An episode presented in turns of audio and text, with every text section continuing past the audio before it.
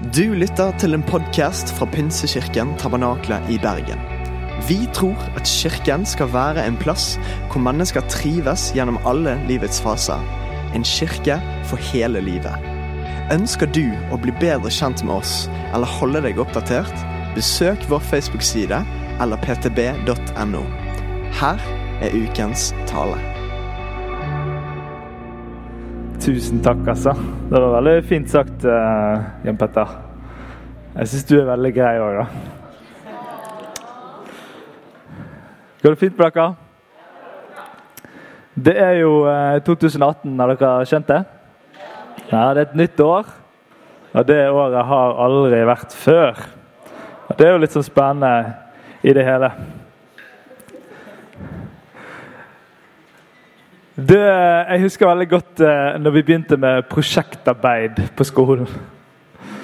Jeg, jeg, jeg føler jeg levde i det, den overgangen. Fra at eh, alt handlet om at læreren på skolen underviste fra tavlen til elevene. Til at man plutselig skulle ha gruppeprosjekter, prosjektarbeid på alt som skulle skje. Og Jeg husker godt at jeg var alltid veldig spent på hvem jeg kom på eh, prosjektgruppe med. Og Jeg husker godt at jeg var en av de som ingen ville komme på gruppe med. For det, er jo et eller annet med sånn prosjektarbeid som bare gjør at uh, i fall jeg syns det der var uh, Det, det kicket ikke inn hos meg, for å si det sånn. Eh, eh, og det gikk jo mindre bra noen ganger, og, og greit noen ganger. Spørs hvem man var på gruppe med. Uh, men sånn var jo det. Sånn var det. men det, denne prosjektgreien har jo blitt en enorm liksom, stor del av utdanningssystemet. ting er prosjektbasert. Man går igjennom fag, man går opp til en eksamen. Man begynner på noe, slutter på noe. Vel, veldig mange deler av for det utdanningssystemet som veldig mange av dere som er her nå, har vært igjennom, er veldig prosjektbasert. Eh, og jeg vil også si at samfunnet vi lever i, og det er veldig naturlig at hvis man legger liksom en, en, gjeng med liksom, eh, ja, si et årsspenn på 10-20 år da, gjennom et skolesystem som er veldig prosjektbasert, så selvfølgelig vil det påvirke de menneskene som lever i det. Og det gjør at man er blitt veldig prosjektorientert i, i livet vårt. Og vi har jo akkurat vært igjennom årets håper si, eller det store liksom, prosjektet som er disse nyttårsforsettene. sant? Så folk begynner jo å skjønne at det ikke funker. Før var jo, jeg hadde jo oppriktig tro på det liksom en periode. Uh, men så viser jo erfaringen i livet at det er jo ikke noe større liksom, trøkk i et nyttårsforsett enn om du bestemmer deg for noe en helt vanlig mandag i mars. Eh, men det er likevel så er det et eller annet prosjektbasert om det handler om trening. Sant? så var en greie sant? At du alltid skulle inn i et eller annet treningsopplegg, eller et eller annet sånt, eller om det handler om mat og, og, og, og sånne ting. Eller om det handler om, om, om deler av livet liksom som nå går inn i dette, og nå skal jeg sånn og sånn, og nå skal det bli bedre. Eh, og så er det sånne prosjektfaser som hele tiden preger livet. Og jeg, jeg opplever at denne prosjekttankegangen har preget mitt kristenliv negativt. Det har preget det Og jeg tror det kan være aspekter av det positivt òg. Eh, men jeg tror det har vært en del negative ting på det. Alltid har jeg hatt et prosjekt som hele tiden begynner og slutter på at jeg skal lese mer i Bibelen. Og Prosjektet av å skulle be mer, at nå skal jeg inn i en periode der jeg skal be mer. Eller det er i forhold til synd, at nå skal jeg jobbe skikkelig med denne synden i livet. Og så er det en sånn prosjektfase som starter, og som slutter, og som har mer eller mindre god avslutning i seg. Og så går man i sånne greier. Nå skal jeg bli bedre til å gjøre gode gjerninger for mennesker rundt meg. Nå skal det bli bedre i en periode. Og så har man blitt lurt inn i en sånn prosjektorientert kristenliv. Og Jeg sier ikke at dette har vært hele greien, det bare liksom aspekter av mitt kristenliv har vært preget av dette. Og det har faktisk vært negativt på en del områder. Og jeg har ikke lyst til å liksom jeg har ikke lyst til å, å, å liksom gruse hele prosjektgreiene. Jeg tror det kan være bra med et prosjekt av og til. Eh, og vi gjør prosjekter. Vi gjør bønneuken. Ikke fordi vi tror at vi da skal være ferdig med å be for et helt år, sant? men fordi vi tror at hvis vi gjør et prosjekt, så kan vi være med og inspirere til at det blir bedre. Eller vi, vi tar noen steg i det som menighet inn i den ukentlige hverdagen som egentlig gjelder. Jeg, jeg, jeg, jeg sier ikke at alt som har med prosjektet å gjøre, er gale. Men jeg har lyst til å ha et litt sånn kritisk blikk med deg eh, på det i kveld. Og så er det en litt annerledes preken fra Mr. Birkeland her i dag eh, på litt sånn det å, å leve i det året som kommer, og de årene som kommer. For Hvis jeg skal ta og se litt eh, kritisk på dette, denne prosjekttankegangen som er, så er det f.eks. det at alt har en start og en slutt. Det er alltid en del av prosjektet. og Veldig ofte så har prosjektet en start og en slutt og en lang off-periode. Med så en ny start og en slutt, men så med en veldig lang off-periode. Og veldig ofte hvis du regner sammen off-periodene, så er de lengre enn start- og sluttperiodene eh, i de forskjellige tingene eh, man prøver å gå inn i og ut av hva det skulle være. Eh, andre tingen jeg er litt sånn negativ, det er denne som jeg da har eh, oppfunnet et helt nytt begrep for kvelden. Som jeg da har kalt prosjektsirkel. Som jeg da skal prøve å legge ut for deg.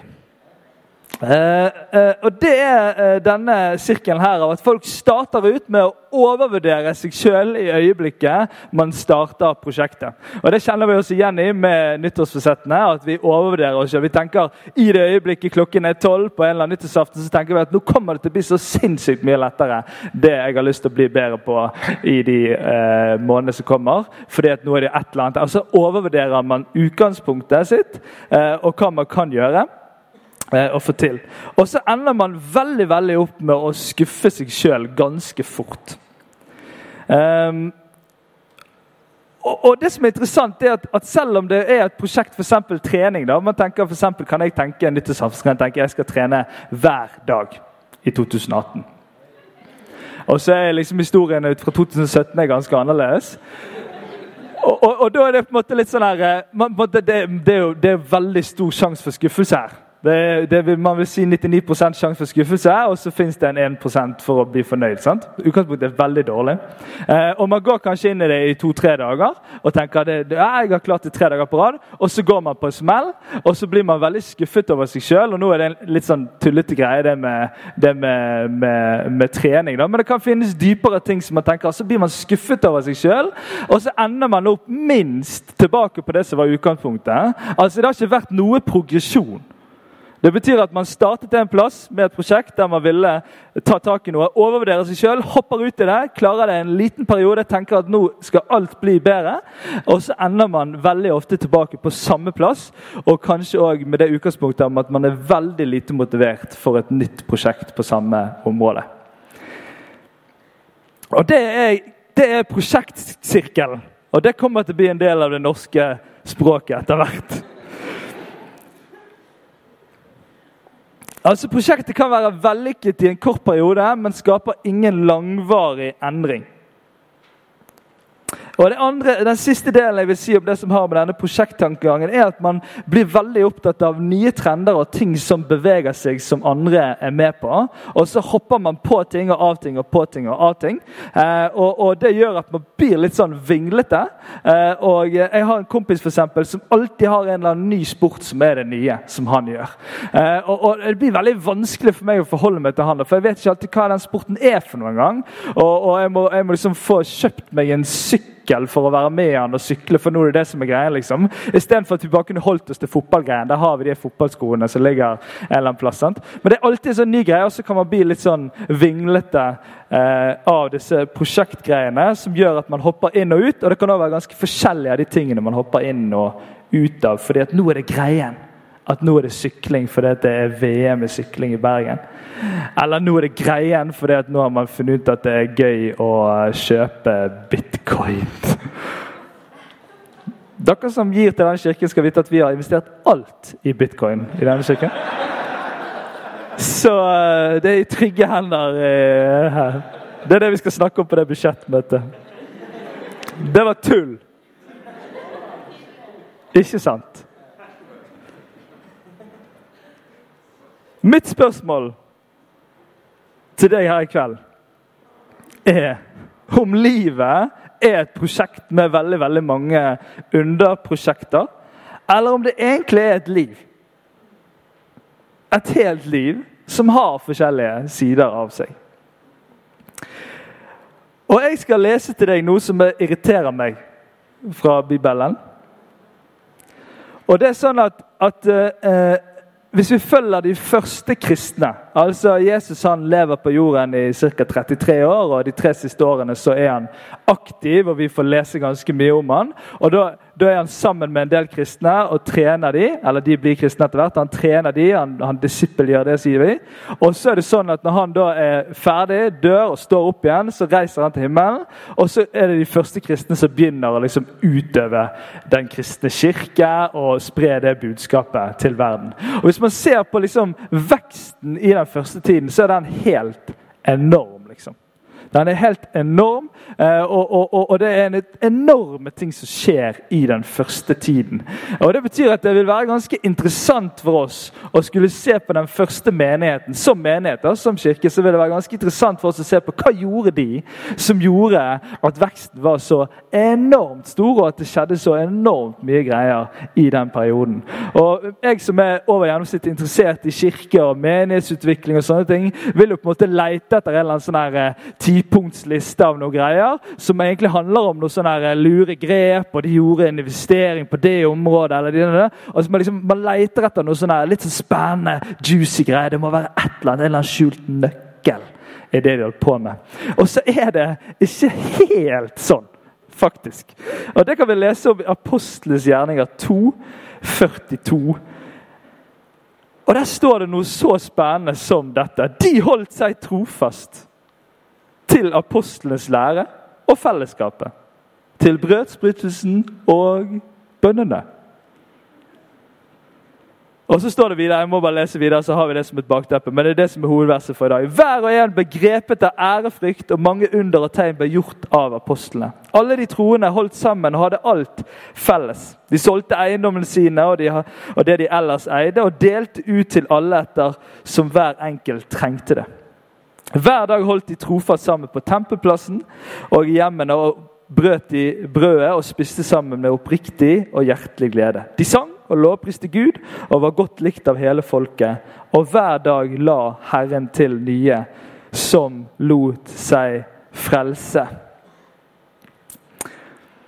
Altså, Dette er beskrivelsen av den første menigheten som på en måte, Det er veldig få deler av kirkehistorien som kan måle seg med den. Det var en veldig ekspansiv vekst i det som skjedde.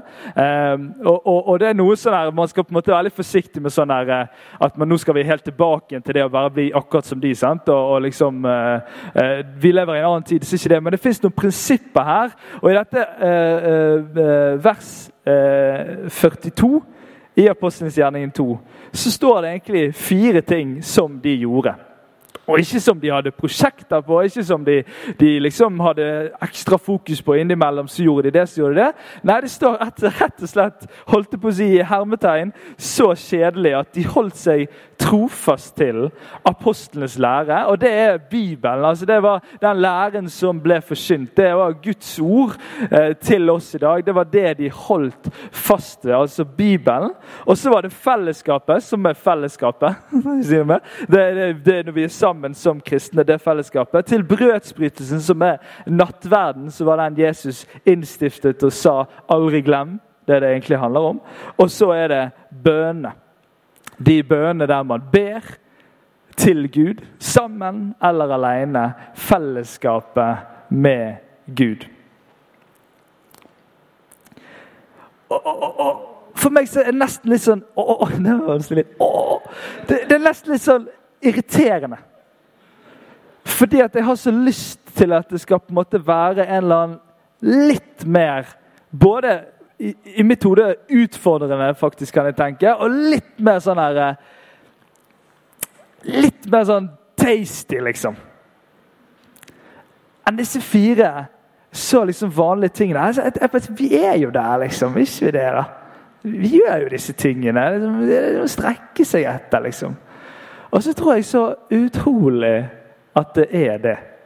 Og så tror jeg så utrolig på at her ligger det en eller annen kraft i mitt liv og i menighetslivet som jeg er redd for at min generasjon har en, har en tendens til å både undervurdere men òg på en måte glemme Ja, det er å undervurdere så jeg trenger ikke det en gang til.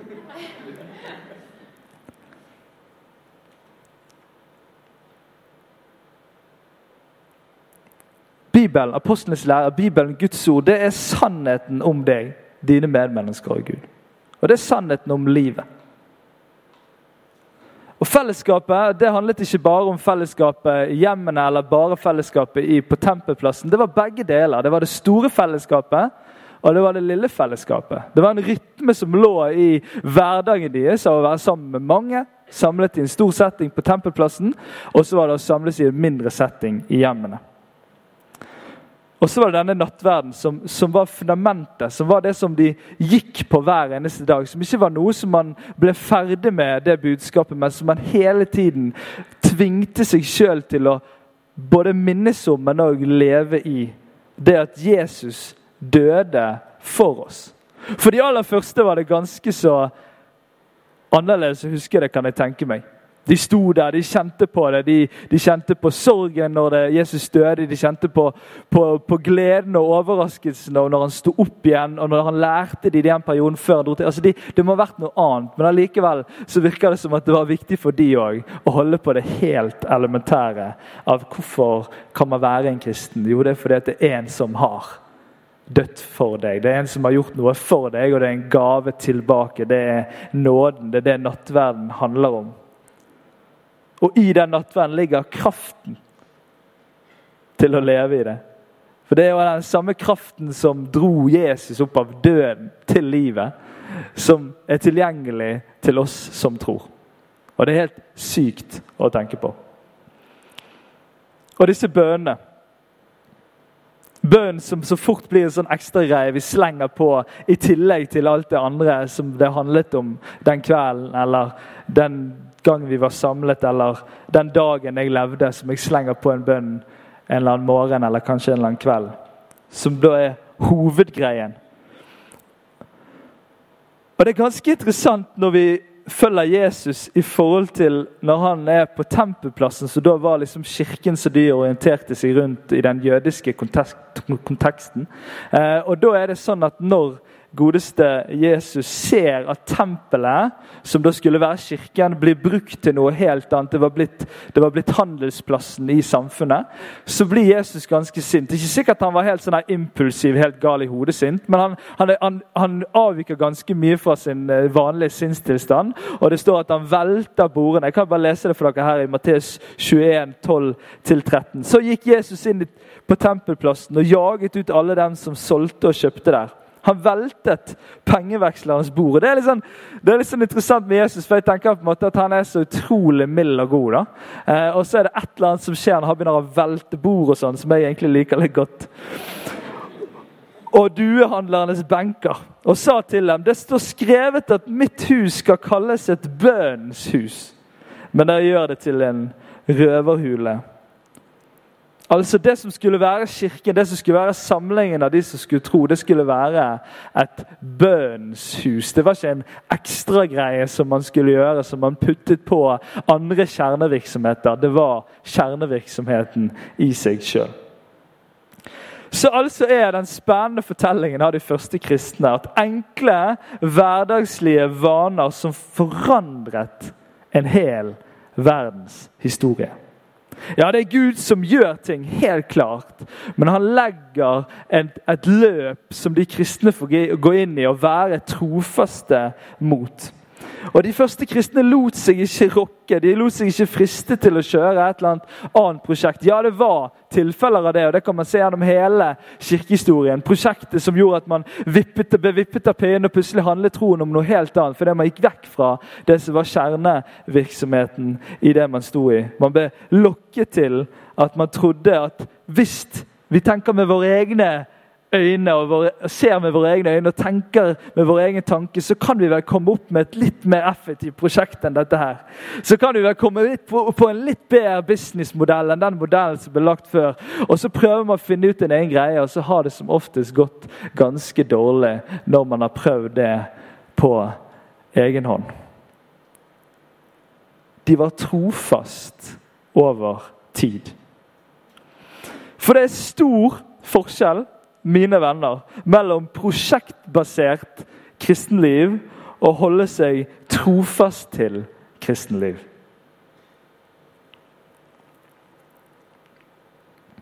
Det trofaste kristelivet, det som er livet, det som leves, har ikke en start og en slutt på den måten. Ja, det har en start når man blir kjent med Jesus, og har det en slutt når man, når man dør. Men det handler ikke om en eller annen start og slutt i noen prosjektfaser i det. Og Det har ikke sinnssykt stor forandringspotensial på kort sikt, men mest på lang sikt. Ja, jeg tror det er mennesker som har blitt kjent med Jesus, og masse har blitt forandret i et øyeblikk på innsiden av dem. Men det er alltid over lang tid at endringen har blitt varig, har fått satt spor og blitt et helt liv som har skapt en impact, en forandring, på seg sjøl eller på andre mennesker. Og Det handler ikke om noen par store steg der man kan se tilbake, der man ofte får en opplevelse av når folk skal fortelle om kristenlivet når de har levd en stund. Så begynner de å fortelle om noen sånne helt syke steg der det skjedde noe der. og Da hoppet jeg ti steg, og så skjedde noe der, så hoppet jeg ti steg i ett øyeblikk. Men så handler det om sånne små, vanlige, jevne steg over lang tid. Og Det kan høres litt fristende Jeg kjenner på litt sånn her eh, liksom, uh, inspirasjonsdel av meg. litt sånn her, Har ikke du noe mer liksom, inspirerende å komme med? liksom? Men, men jeg tror at her det en hemmelighet som er, som er liksom annerledes enn det som er en sånn samfunnsfristelse. Eh, eller liksom når, når, de skal lokke oss inn i en eller annen nytt prosjekt, eller et eller annet, så spiller man på noen andre strenger. Og så vi, tror vi at vi må spille på de samme strengene i kirken. Eh, men jeg tror ikke vi trenger det. Heiende meg enn det der, jeg ikke planlagt å si, men det var veldig bra. Jeg tror ikke vi trenger å spille på de samme strengene, for vi har et annet utgangspunkt eh, og vi har annet, en annen posisjon enn det som er vanlig i det vanlige samfunnet når man skal gå inn i ting.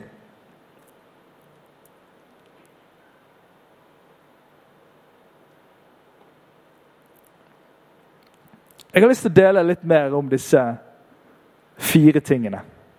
Lese i Bibelen. Være i fellesskapet, det store og det lille.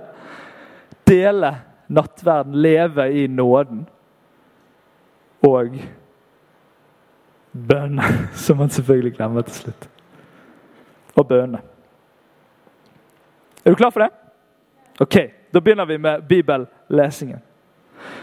Og nå, nå, deler jeg litt tanker med deg. Det betyr at det ikke er alt som er sånn her eh, liksom eh, Eh, at jeg har rett på det og andre har feil på det. og sånn. Jeg bare deler noen tanker og ting som jeg har liksom sett i mitt eget liv, og ting som jeg ser inn i andre kristnes liv.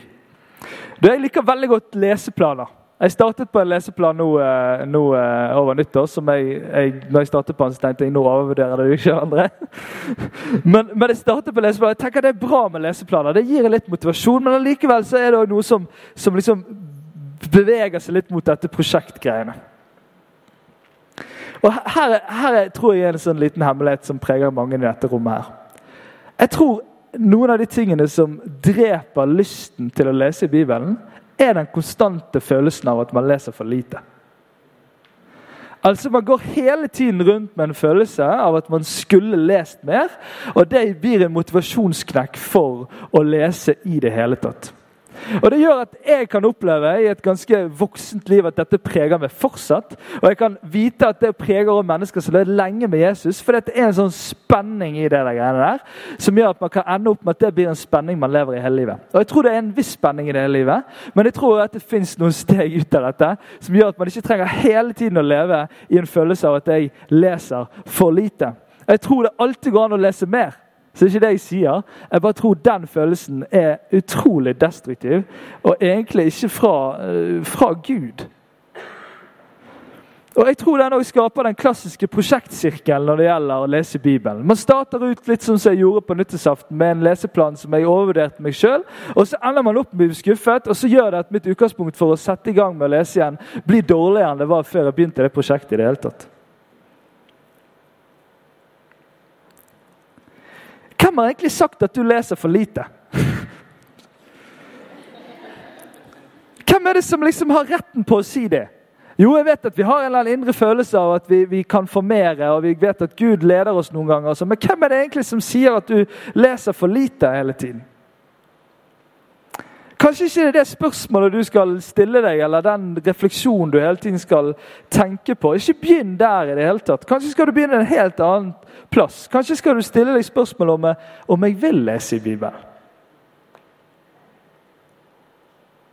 Spørre deg spørsmål om jeg tror det er bra å ha potensial av å forandre meg og mine medmennesker til det bedre når jeg leser i Bibelen. Spørre meg spørsmål om jeg vil vite sannheten om hvem jeg er og hvem Gud er.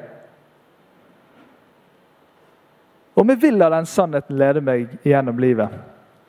Nå bare hiver jeg ut spørsmål. Det kunne vært mange andre spørsmål jeg kunne stille seg, men det handler om, spørsmålet handler om noe helt annet enn om jeg leser for mye eller for, for mye eller for lite. Kanskje må man ta et steg tilbake igjen og spørre seg vil jeg at dette skal være en del av livet mitt. Eller trenger jeg ikke det? Og Det er et mye bedre utgangspunkt for å starte en vane som kan vare over lengre tid. Jeg skal komme noen tips på den vanen senere, men nå skal jeg bare gå videre på disse forskjellige tingene. her.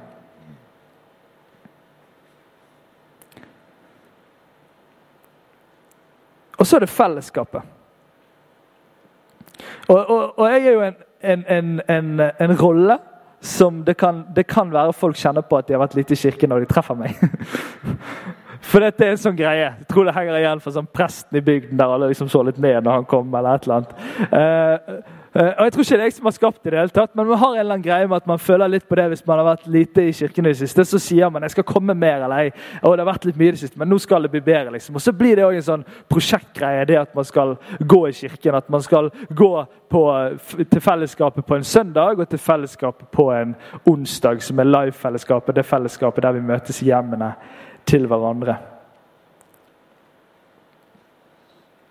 Og jeg tror at Hvis Kirken blir et prosjekt på samme måte som et eller annet treningsprosjekt, eller et eller annet, så kommer det bare til å være en periode, og så går det over igjen. Og så får man en start-slutt, lang off-periode, start-slutt, lang off-periode. Og det, det, det, er en sånn dårlig sant? det er en del av prosjektsirkelen. Eh, men jeg tror at man må kanskje eh, ikke begynne helt der. Kanskje må man stille seg et så grunnleggende spørsmål. Det er ikke sikkert noen av dere har stilt dere gang. Kanskje har det bare vært sånn at det har jo bare vært sånn. At jeg går til kirken, og det er sånn man skal. ikke det da? Men å spørre seg det enkle spørsmålet om man vil gå i kirken. Om jeg trenger å gå i kirken. Om andre trenger at jeg går i kirken. Om kirken er verdenshåp og mulighet for at flere kan få leve i fellesskap med Gud og andre som tror. Veldig ledende spørsmål. her.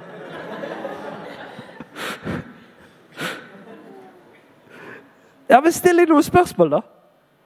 Istedenfor at 2018 eh, og, og framover resten av livet ditt blir et sånn Er jeg en som går i kirken, eller er jeg ikke? Eh, er det egentlig sånn at jeg har satt det på en prioriteringsplass, sånn at jeg, jeg, velger ikke om jeg skal gå i kirken eller ikke. Jeg velger bare de gangene jeg ikke kan gå i kirken, og ikke gå i kirken. Mens rytmen min er at jeg alltid går, alltid skal, fordi at det ligger inne. Og det er ikke sånn at hvis det skjer en eller annen spennende fotballkamp, sånn som i dag, så er det ikke sånn at man liksom vurderer om man da skal være hjemme. Jeg kjente etter om jeg var syk, men jeg, jeg vurderte ikke å være hjemme. Jeg, jeg, vet ikke det resultatet på den fotballkampen, bare for å si det veldig rett ut. Jeg skal se den i kveld. I opptak.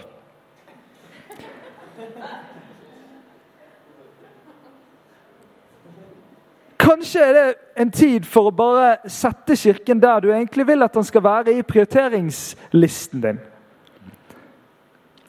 For jeg vet, hvordan, jeg vet, forskjellen av at ikke det er et valg, og nå har jeg en ekstra motivasjon av at det forventes av meg i jobben min å komme her. sant? Så, så det er en tilfelle. Men, men meg og min kone var ganske bevisst på å bestemme oss for det før vi gikk inn i det. For jeg syns det er en dårlig motivasjon å være tvunget av en eller annen stilling eller lønn man får. Og det, det, Vi har bestemt oss som familie at vi går til kirken. Eh, og det nydelige er jo at når, sånn som i dag, da, så måtte Marit gå alene og jeg være hjemme med guttene fordi de hadde spysyken. Så da ville ikke vi spre det til eh, barnekirken og alt. Så da, så da, var vi hjemme. Og så spør plutselig Alfred sånn, hvor er mamma. Hun løp litt kjapt ut. Så sier jeg, og da jeg kvir meg egentlig for å si sier jeg, hun er i kirken.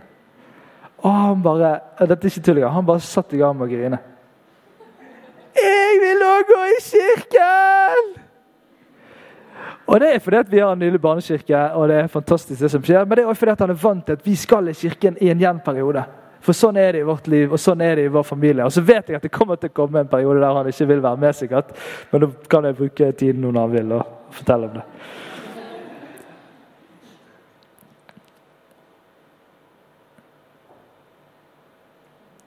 Vi snakker, har snakket litt på en medarbeidersamling som var noe om det å være medlem.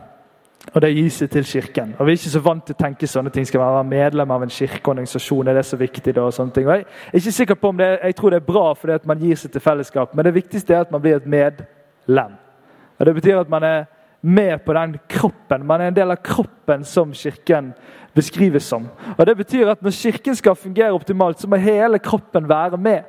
Det er sånn han har satt. Jesus har sagt at han er hodet, eh, og så er vi kroppen. og Så får vi være kirke på den måten. Derfor betyr det noe om du er eller ikke. Det betyr noe om du er Selv om det eh, blir fullere og fullere i dette rommet, så betyr det noe. For vi, vi, er en åndelig skikkelse sammen som, som menighet.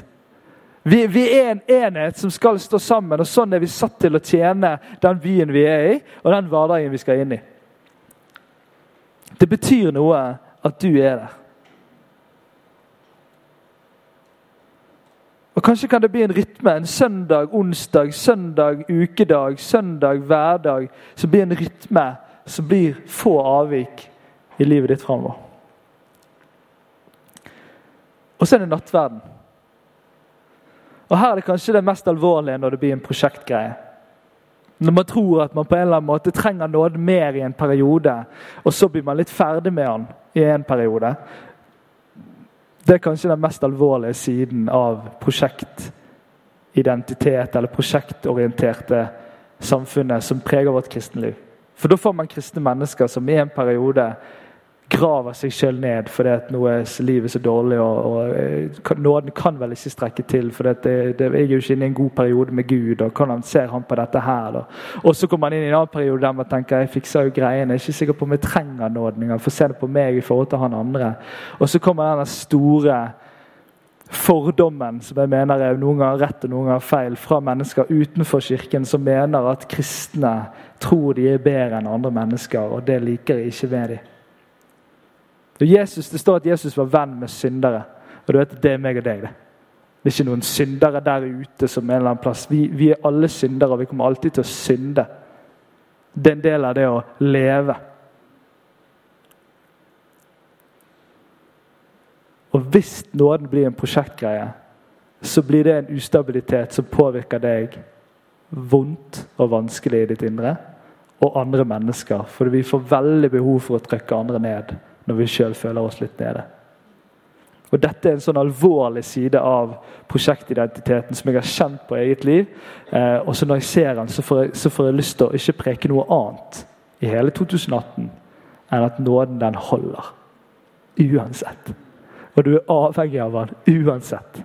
Og det er ingenting som kan pushe deg av det fundamentet du står på. Og det er ingenting som skal løfte deg høyere enn det fundamentet du står på, enn den nåden som du står på. Som du ikke bare står på, men som du går på, som du lever livet ditt ut ifra.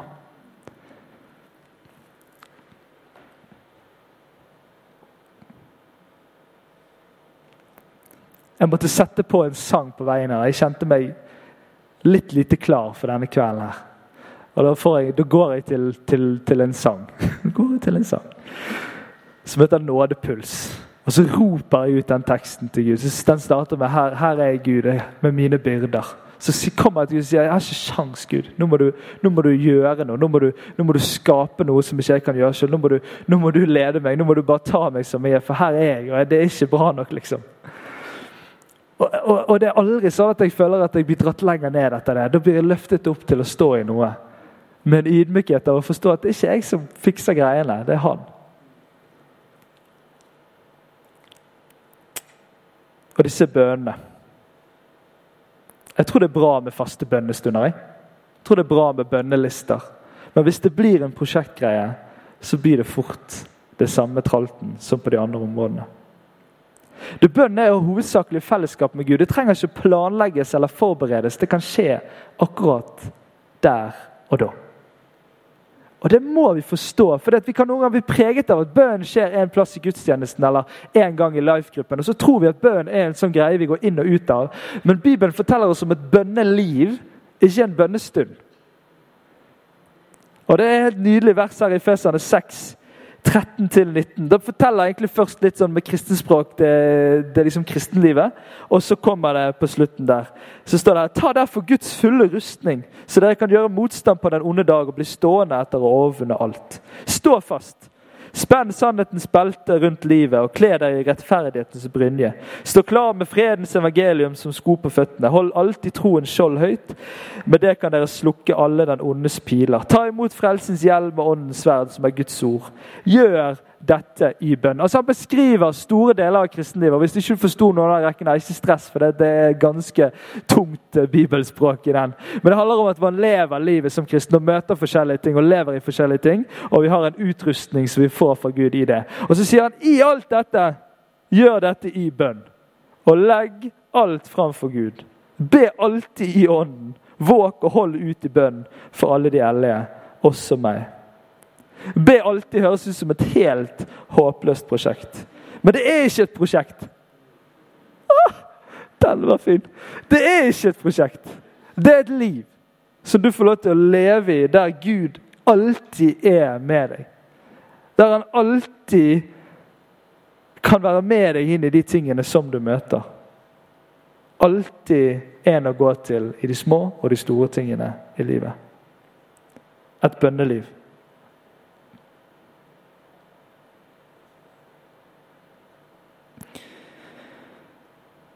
Hvis man flyr til eh, Syden og møter et annet fly halvveis som er på vei til Bergen i november, så er man på to helt forskjellige retninger. Sitter du på flyet til Mallorca, så er det god stemning. Sitter man på flyet til Bergen, så er det dårlig stemning. Dra ned. I november, altså. I november. Og juli.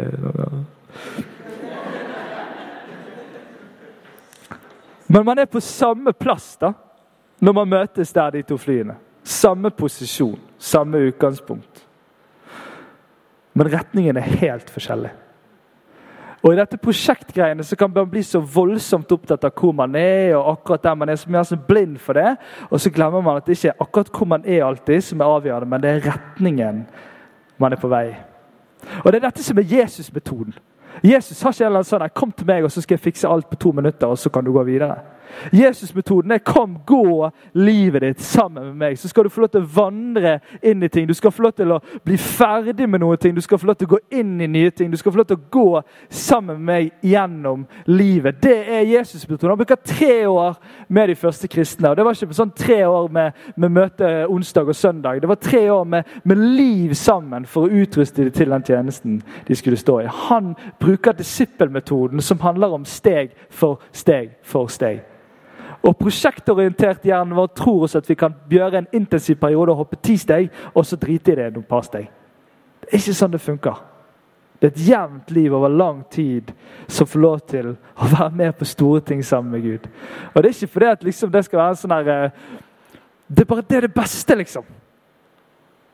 Det er det beste. Du, Jeg vet ikke hva du tenker om 2018. Om jeg nå har grust alle dine prosjekter Så du går ut derfra og tenker at det kommer ikke til å bli da 2018. Men jeg tror på et kristenliv og ikke et kristent prosjekt. Et kristenliv som handler om å leve trofast i Guds ord i Bibelen.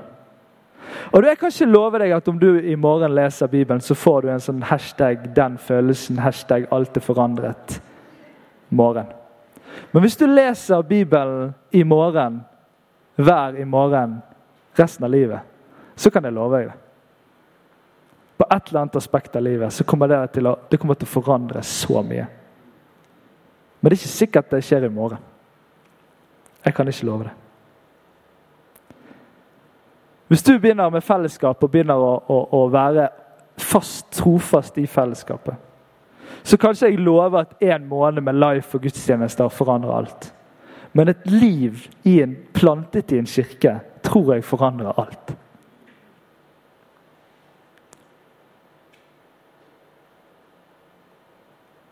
Og Når det gjelder nåden og nattverden, så kan jeg love deg at om du blir ferdig med nåden, så mister du et fundament som ingenting annet kan erstatte.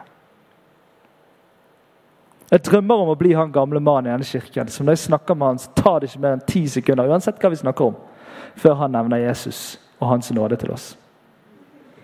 Ja, det var fint vær i dag, og det var greit. Det Jesu nåde! Kommer med en gang. Og så gjerne sitering av en sang som handler om Jesu nåde. Fordi at han har levd så lenge. Det bare blitt større og større. større. Det bare vokser og vokser, vokser. Det blir bare større og større for han. Det blir bare viktigere og viktigere for han hva han lever på og lever ut ifra. Og disse bønnene som du kan bli invitert inn i et bønneliv. Der vi lever sammen istedenfor å invitere han inn av og til. Jeg tror det kan bli et bønneliv der du blir forandret, og de du ber, kommer til å bli forandret.